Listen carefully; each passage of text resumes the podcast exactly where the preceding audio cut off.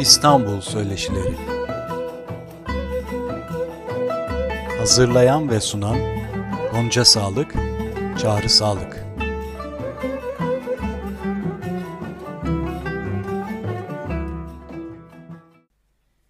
Merhaba sevgili dostlar. Merhabalar. İstanbul Söyleşilerinin 5. bölümüyle karşınızdayız. Bugün sizlerle Üsküdar'ı konuşacağız. Evet, Üsküdar deyince aklımıza birçok güzel şey geliyor ama ilk önce istersen isminin nereden geldiğine bir bakalım. Roma İmparatorluğu döneminde atlı ve zırhlı askerleri Scutari ismi verilirmiş ve Roma İmparatorluğu döneminde de bu bölgeye bu isimden gelecek şekilde Scutari denilmiş. Daha sonrasında Yunanlar Hrisopolis ismini vermişler. Bilahare Fransızlar da gene Romalılardan kalma isme dayanarak Eskutari demişler. Evliya Çelebi de bu güzel bölgeye eski dar demiş. Sokaklarının darlığı bu isme ilham kaynağı olmuş besbelli. Üsküdar her dönem, her çağda ilgi odağı olmuş. Antik çağdan başlayarak belli bir merkezmiş ve her zaman İstanbul'dan yani suyun karşı yakasından ayrı bir bölge olmuş değil mi sevgili Çağrı? Elbette. Hatta Üsküdar'da yaşayanlar çok uzun yıllar ve günümüzde dahi Eminönü, Sirkeci bölgesine gidecekleri zaman İstanbul'a gidiyorum derlermiş. Bunu İstanbul'a ilk geldiğim zaman ben de yaşamıştım. Üsküdar'da köprüyü gösteren yerde İstanbul yazısı vardı tabela olarak. Üsküdarlılar için e, suyun karşı yakası her zaman İstanbul'dur ve gerçekten İstanbul dışında bir yer gibi. Beşiktaş iskeleden motora bindiğinizde ortalama 7 dakikada karşıdasınız sevgili dostlar. Üsküdar'a geldiniz. İşte o an fark ediyorsunuz ki Anadolu yakası Avrupa yakasından bambaşka bir ortam ve sanki Üsküdar'ı gördüğünüzde çağlar öncesindeki Üsküdar'ı yani Eskidar'ı görüyor gibi oluyorsunuz ve karşınızda muhteşem Mihrimah Sultan Camii sizi Osmanlı'nın göz bebeği bir semte hoş geldiniz der gibi karşılıyor. E tabi Mimar Sinan'ın büyük inceliklere sahip olan camilerinden bir tanesi. Evet Üsküdar'da zaten hanım sultanların göz bebeği, antik çağın altın şehri. Bizans'ın Kışlalar bölgesi olan Üsküdar asıl yıldız dönemine Fatih ile birlikte yani Fatih Sultan Mehmet ile birlikte kavuşuyor ve fetihten sonra Uğrak anlamına gelen Üsküdar adını alıyor. Bu bölgeye neden Uğrak denmiş sevgili dostlar? Çünkü bu bölge hac yolunun bir durağı.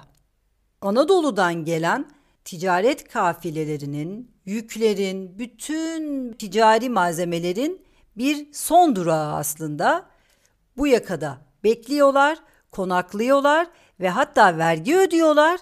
İşlemler tamamlandıktan sonra bu ticari mallar suyun karşı yakasına yani İstanbul'a yani Eminönü Sirkeci bölgesine ulaşıyor.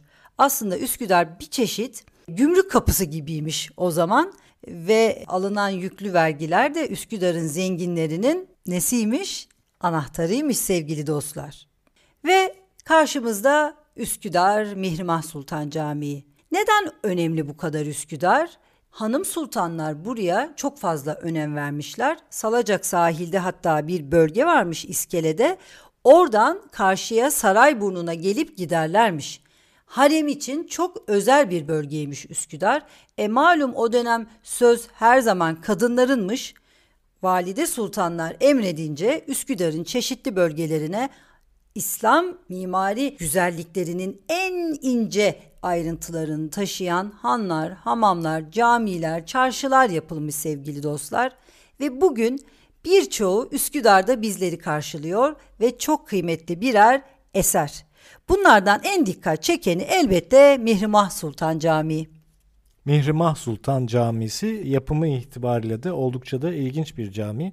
Mihrimah biliyorsun Kanuni Sultan Süleyman'ın kızı ve aynı zamanda ay ve güneş anlamına geliyor. Evet asıl isim Mihrumah. Evet ve Mihrumah Sultan'ın taliplerinden bir tanesi de Mimar Sinan. Gerçi Mimar Sinan o zamanlarda epey bir yaşlı ama Aralarında İşte ciddi bu. bir yaş farkı olduğu halde aşk bu. evet. Tabi burada esas Mimar Sinan'ın herhalde aşkı. Evet. Mihrimah Sultan çünkü başka birisini tercih ediyor. Rüstem Paşa ile Rüstem evleniyor ve hatta Rüstem Paşa'nın türbesi de mezarı da Mihrimah Sultan Camii'nin hemen ön tarafındadır sevgili dostlar. Bu arada Rüstem Paşa Camisi'nde, Mihrimah Sultan Camii'sini de Mimar Sinan yapıyor. Ve Rüstem Paşa Camisi de şimdiki Çinlilerle oldukça ünlü bir Eminönü'nde yer. Evet. mutlaka Tahtakale bölgesinde Hasırcılar bölgesinde o bölgeyi de gezilerinizde listenin en başına yazmanızı tavsiye ediyoruz. Üsküdar'daki Mihrimah Sultan Camii'nin aynı isimle bir eşi de bir benzeri de Edirne Kapı'dadır sevgili dostlar. Edirne Kapı'da İstanbul'un en önemli tepelerinden yedi tepesinden biridir. Bu güzel camilerin çok önemli, çok ince hassas ayarla dengelenmiş bir de güzel özelliği vardır. Güneş bu caminin iki minaresi arasından doğarken gün geceye vardığında bu kez aynı yerden ayın doğuşu izlenebiliyor. Bir diğer külliye olan Edirne Kapı ise Üsküdar'daki caminin minareleri arasından güneş doğarken Edirne Kapı'daki caminin minareleri arasından batıyormuş sevgili dostlar. İşte bu güzel dengeyi Mimar Sinan o bahsedilen büyük aşkı için hassas terazilerde ölçe biçe yapmış ve özellikle gece gündüzün eşit olduğu 21 Mart'ta bu görüntü tam anlamıyla görülebiliyormuş. Burada çok önemli bir de detay var. Mimari zekanın bu dehanın daha da ötesinde ruhani bir sevda detayı var. O da 21 Mart'ın Mihrimah Sultan'ın doğum günü oluşudur. Doğum gününde Mihrimah Sultan'a özellikle de ikinci camiyi kendi cebinden yaptırarak Edirne Kapı'dakini Mimar Sinan güzel bir hediye vermiş olmuş. Mihrimah Sultan Camii'nin bahçesinde çok da güzel bir güneş saati vardır sevgili dostlar. Bu detay bize muvakkithanelerin önemini hatırlatır. İstanbul'da 68 camide muvakkithane olduğu biliniyor. Güneş saatleri çok önemli. Elbette eski çağlarda her millet için önemlidir zaman ayarlaması ama özellikle İslam coğrafyasında çok daha önemlidir. Çünkü İslam dininde ibadet günde beş vakittir ve zamanlıdır. Ramazan ayındaki oruç da bu zamana dahildir. O nedenle bu muvakkithaneler ve buradaki görevliler o dönemlerde çok önemlidir. İlk muvakkithane Şam'da Emeviye Camii'nde kurulmuştur. Hazreti Ömer bir ile bir vali göndereceği zaman yıldız ilmini bilmesini şart koşarmış. Yani zaman ayarlaması, zamanın önemi ta o çağlardan günümüze ulaşan çok önemli bir detay. Camiden çıkıyoruz ve yolu devam ettiğimizde karşımıza Mimar Sinan Çarşısı çıkıyor. Yıllardır bir rahat yüzü görmemiş Mimar Sinan Çarşısı aslında bir hamam. İkinci Selim'in eşi Nurbanu Sultan'ın Mimar Sinan'a yaptırdığı bu hamam çifte hamam olarak inşa edilmiş.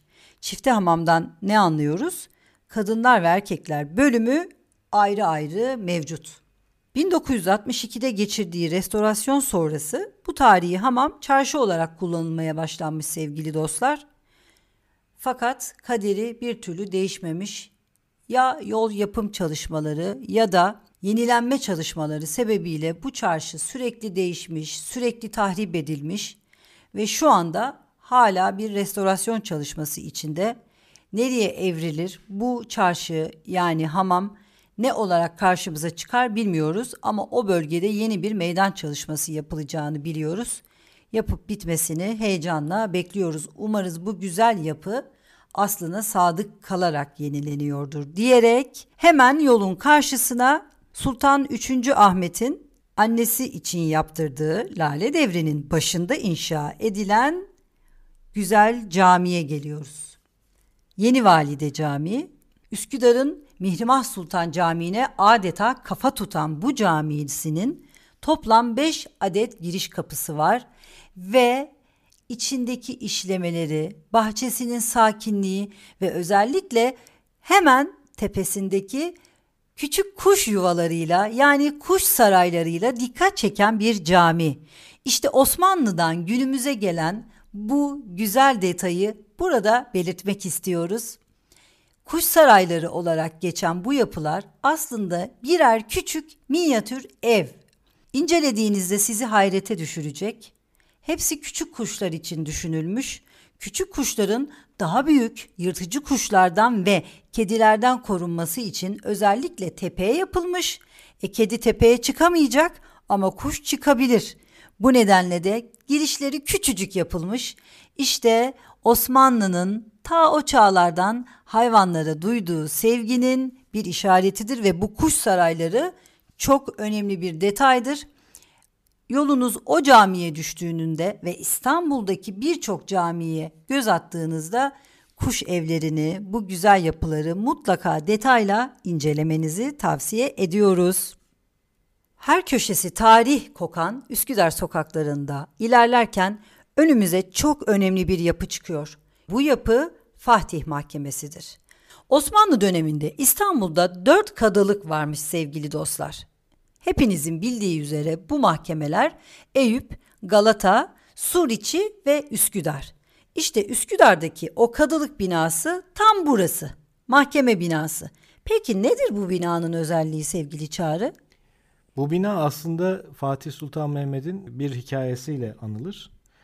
Fatih Sultan Mehmet kendisine bir cami yaptırmak ister. Bugünkü Fatih Camisi. Bunun için birçok yerden sütunlar getirttirir. Fakat mimar o dönem bu sütunları kestirtir. Çünkü der ki bu bu büyüklükte bir e, kubbe ve sütunlar buradaki depremlerde yıkılır. Dolayısıyla da bu sütunları kısaltmak gerekir diye kısaltır. Fakat açılışta Fatih Sultan Mehmet bu binbir zahmetle getirdiği sütunların kesildiğini ve bunların kısaltıldığını görünce tabii fevri de bir padişah olduğu için böyle tepesi atar mimarın ellerinin kesilmesine karar verir. Tabii elleri kesilir. Padişahın sonuçta sözü kanun. Elleri kesilir ama mimar da bunu gider Üsküdar'daki kadılıkta mahkemeye verir. Kadı bunun üzerine mimarı dinler, haklı da bulur. Arkasından Fatih Sultan Mehmet'i de ceza hükmünü açıklamak üzere çağırır. Yalnız Fatih Sultan Mehmet gelmeden evvel de bir gürzünü alır, saklar. Fatih Sultan Mehmet geldiği zaman karşısında onu bu hükmü okur. Bu hükmü okuduktan sonra da der ki sizin eliniz kesilecek. Kısasa kısas. Siz mimarı elini boşu boşuna kestiniz diye.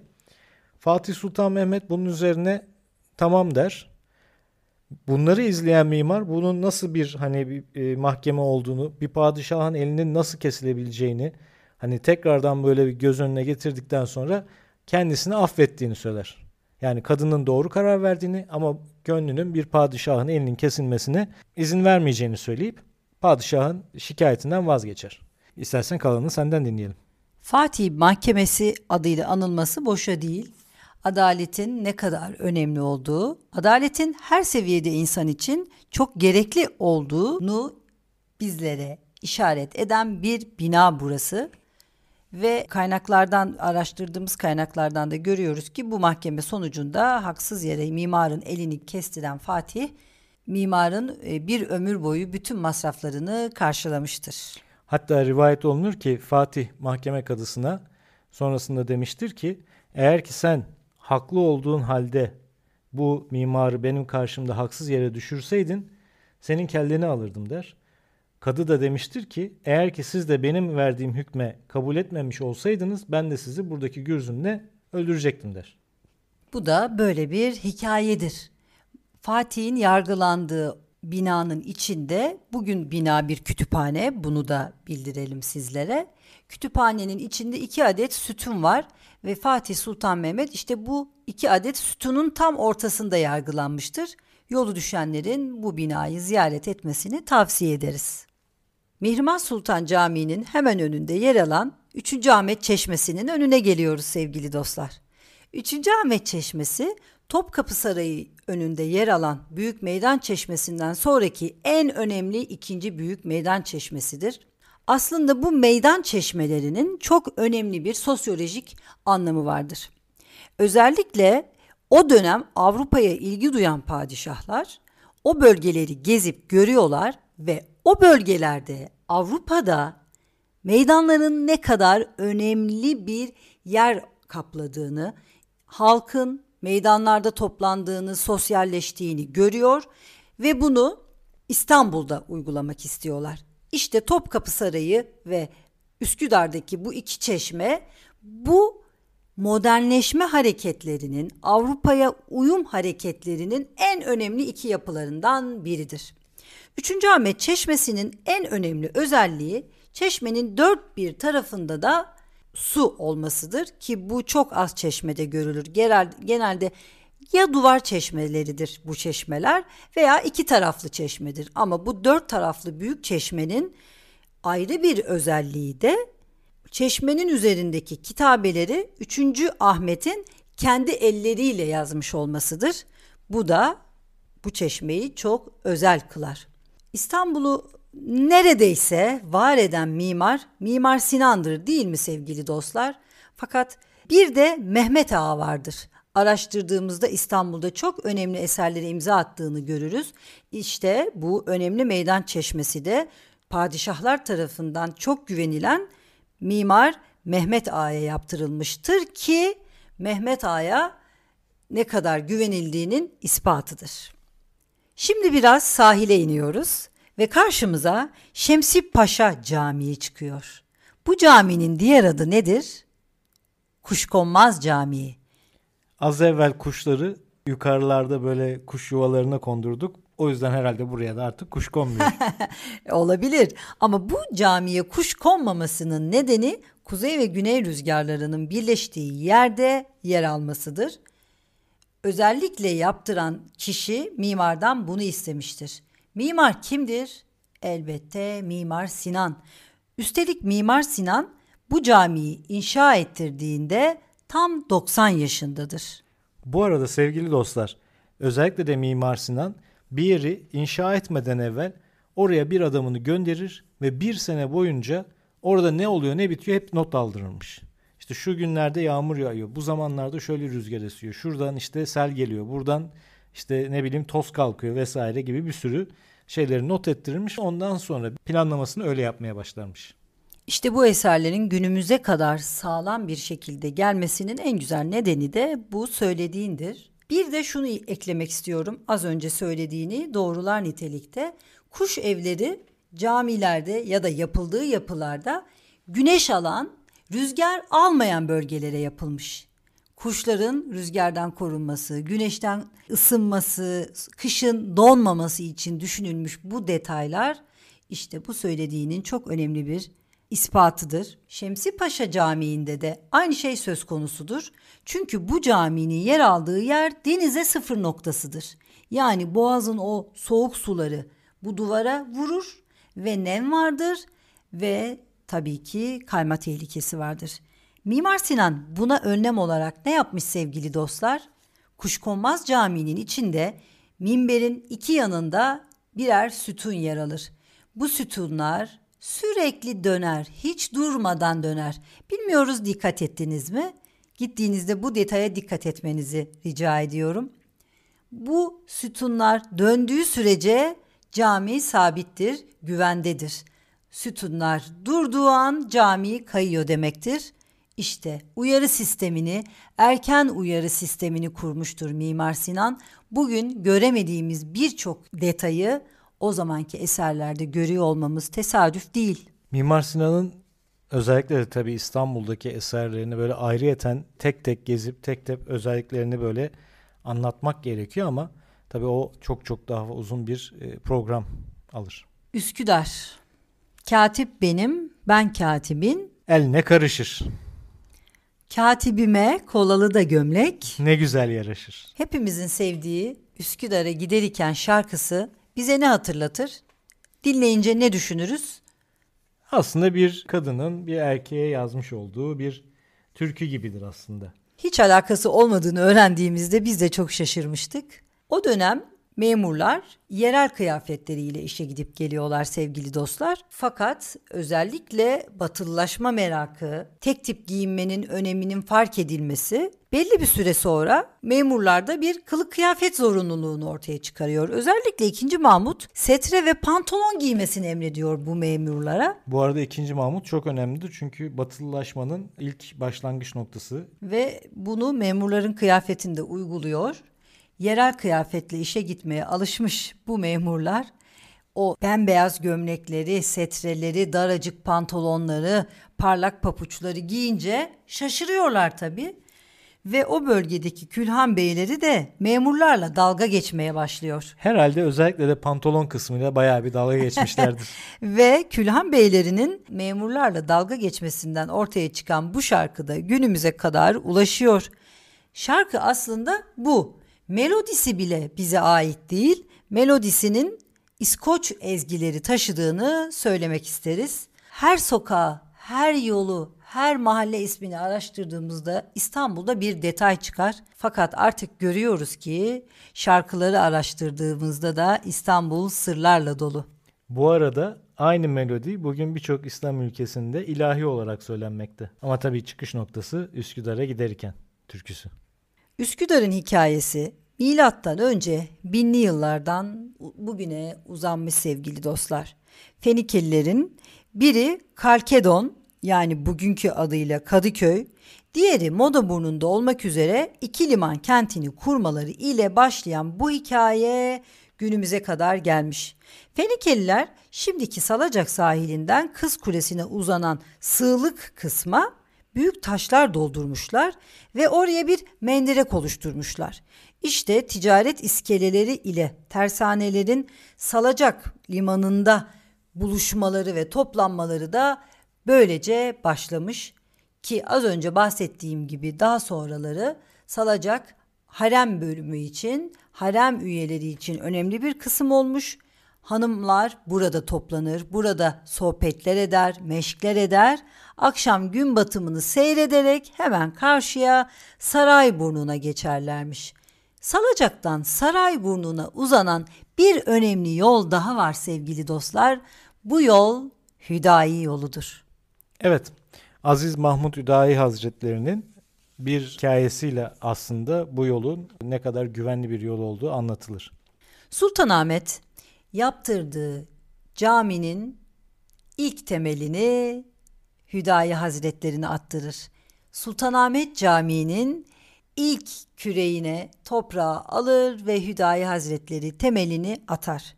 Aziz Mahmut Hüdayi Hazretleri Türk edebiyatında, Türk tasavvuf edebiyatında çok önemli bir kişidir ve Üsküdar'da Aziz Mahmut Hüdayi Camii'nin yanındaki türbesinde yatmaktadır. Çok önemli bir Türk düşünürü, Türk İslam düşünürüdür. Her gün yüzlerce ziyaretçi o bölgede akın akın Hüdayi Hazretlerini ziyaret eder. İşte Hüdayi Hazretlerinin güzel bir hikmetidir Hüdayi yolu ve bir efsanedir elbette ama günümüzde gemicilerin hala kullandığı bir yol olduğu düşünülürse bu bir gerçektir sevgili dostlar. Artık o Haşmetli Camii açılacak ve Sultanahmet Han Hüdayi Hazretlerini ve yanındakileri caminin açılışına davet eder ve ilk cuma hutbesini okutmasını ve birlikte okunmasını emreder. Ee, koskoca padişah bu emri verir de Hüdayi Hazretleri yola çıkmaz mı?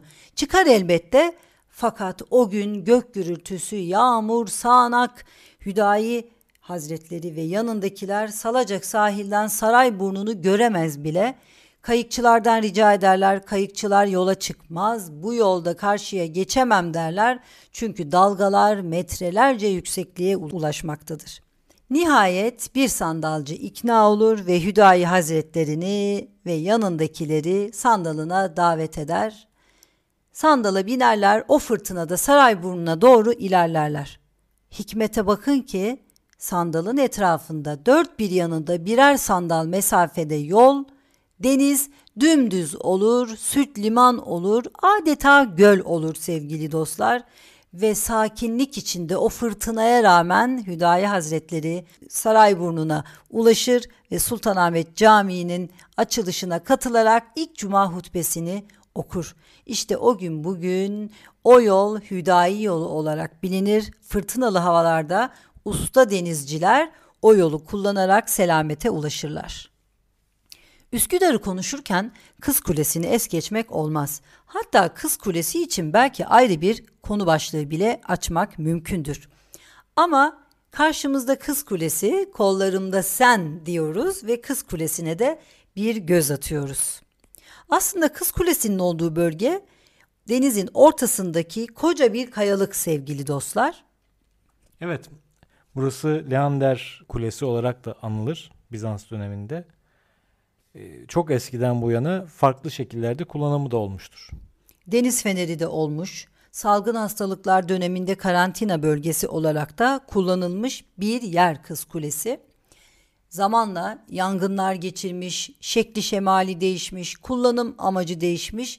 Fakat değişmeyen tek şey Kız Kulesi ile Galata Kulesi'nin birbirine olan sevdasıymış sevgili dostlar. Bu da bir rivayettir. Gerçek olması mümkün mü? Ama işte İstanbul'u güzelleştiren, İstanbul'u bu kadar hoş yapan da bu hikayeleridir. İster inanırsınız, ister inanmazsınız. Biz inanarak İstanbul'a aşık kalmaya devam edeceğiz. İstanbul'da bir güzel. İstanbul'dan da güzel. Üsküdar şiirlere konu olur, resimlere renk olur sevgili dostlar. İşte çok e, sevilen, çok çok şiirleriyle mest olduğumuz Yahya Kemal de Üsküdarlıdır. Hatta Fazıl Hüsnü Dağlarca da Üsküdarlıdır ve Yahya Kemal'in şu dizeleri Üsküdar'da sahilde gezerken dilimize gelir yerleşir. Üsküdar, bir ulu rüyayı görenler şehri. Seni gıpta ile hatırlar vatanın her şehri. İşte Üsküdar aslında Anadolu'da birçok şehre ilham olmuş bir bölgedir. Hayalleri süsler, şarkıları şiirlere konu oluşu boşa değildir. Evet sevgili dostlar. İstanbul Söyleşilerinin 5. bölümünün de burada sonuna gelmiş bulunuyoruz. Elbette Üsküdar bir programa sığacak bir bölge değil. Bir, iki, üç hatta dört program yapsak ancak gider. Biz Üsküdar'a giriş mahiyetinde yaptık bu programı. Sizlere kısaca Üsküdar'ı anlatmak, bir Üsküdar sohbeti yapmak istedik. Sürçülisan ettiysek affola. Bir sonraki bölümde de sizlerle birlikte olmak dileğiyle. Esen kalın. Esen kalın. İstanbul Söyleşileri Hazırlayan ve sunan Gonca Sağlık, Çağrı Sağlık